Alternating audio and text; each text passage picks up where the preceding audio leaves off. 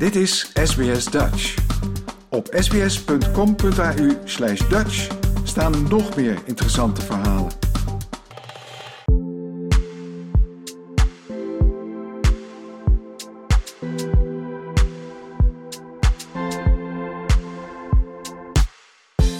Hoi, ik ben Joyce van Dutch with Joyce, and today we have another Dutch lesson.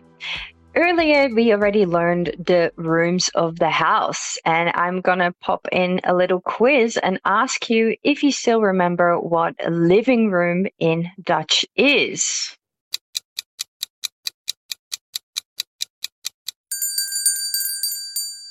Living room is woonkamer. I hope you had that right and have been practicing.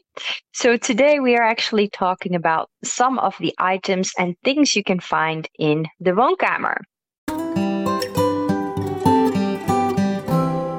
So let's start at the very beginning and translate couch. So the word for couch you actually already know from English. However, we use it for the bank when you're going to the bank. If you Dutchify that word, you get bank, and that is also your couch and sofa. De bank. We can say something like Ik zit op de bank televisie te kijken. Ik zit op de bank televisie te kijken. So I'm on the couch watching TV. Then we usually have a little table there. Table is tafel.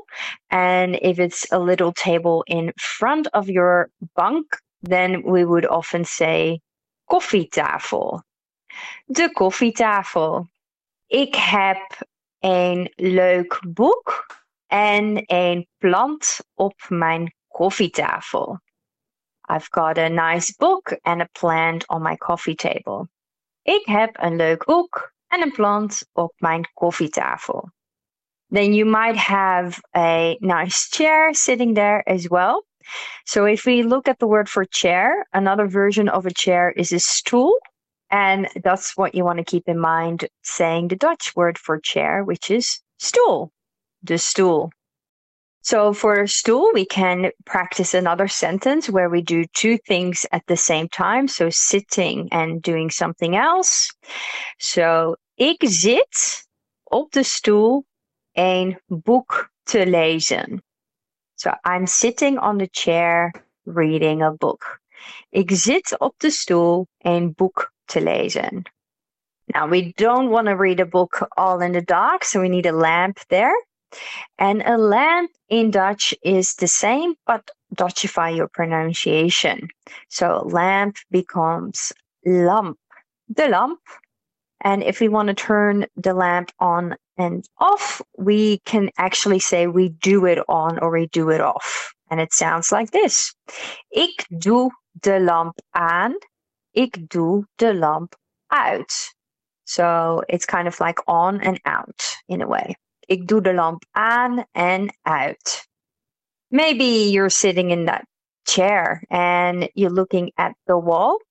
Uh, the wall is the muur. So the muur, think of like a mural almost. The muur. And on that muur is a painting. And to paint in Dutch is actually schilderen. Schilderen. And a painting, as in the actual thing, is een schilderij. Schilderij. And to say that your painting is on the wall or hangs on the wall is het schilderij hangt aan de muur. So you Dutchify hanging as well. Het schilderij hangt aan de muur. Then to get into the room, we gotta have to use a door. A door is de deur. De deur. And I always like to say, in remembrance to use door, right, and through, we can say, ik loop door de deur. It's a bit of a tricky one, this, but what you're saying is, I'll walk through the door. But we use door for through and deur for door. Ik loop door de deur. It will also be nice to have some light in there, natural light, so we need some windows. And a window is a raam, and windows are ramen, like the food, like the noodle food. So ramen. Ik kijk uit het raam naar buiten. So I look out the window through or towards the outside.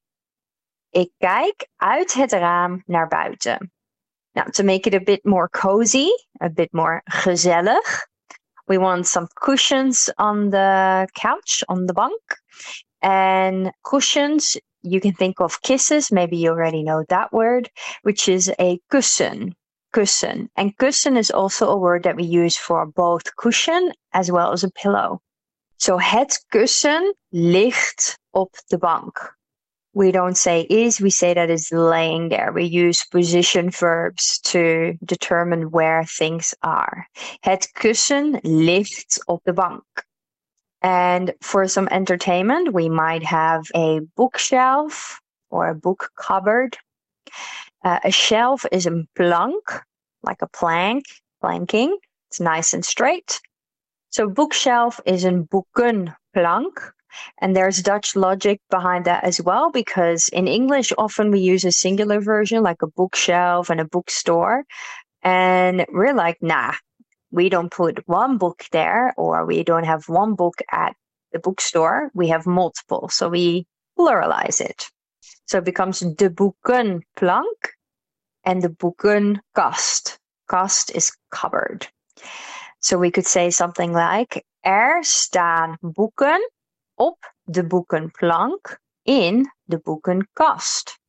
So there's books on the bookshelf in the book cupboard. Er staan boeken op de boekenplank in de boekenkast. It's a good one to practice. and in case you were a little bit um, unsure about the word for television, we basically Dutchify that because everything in ION at the end translates into an IE in Dutch. So we get televisie. And a sentence would be: Ik kijk naar een televisieprogramma op de televisie. So I'm watching a TV program slash show on the telly. Ik kijk naar een televisieprogramma op de televisie.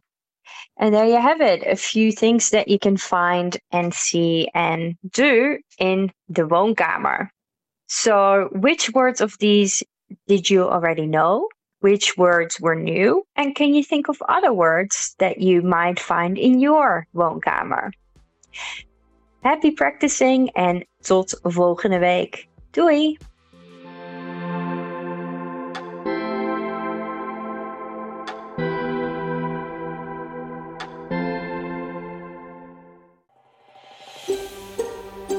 Wil je nog meer soortgelijke verhalen? Luister via Apple Podcasts, Google Podcasts, Spotify of waar je je podcasts dan ook vandaan haalt.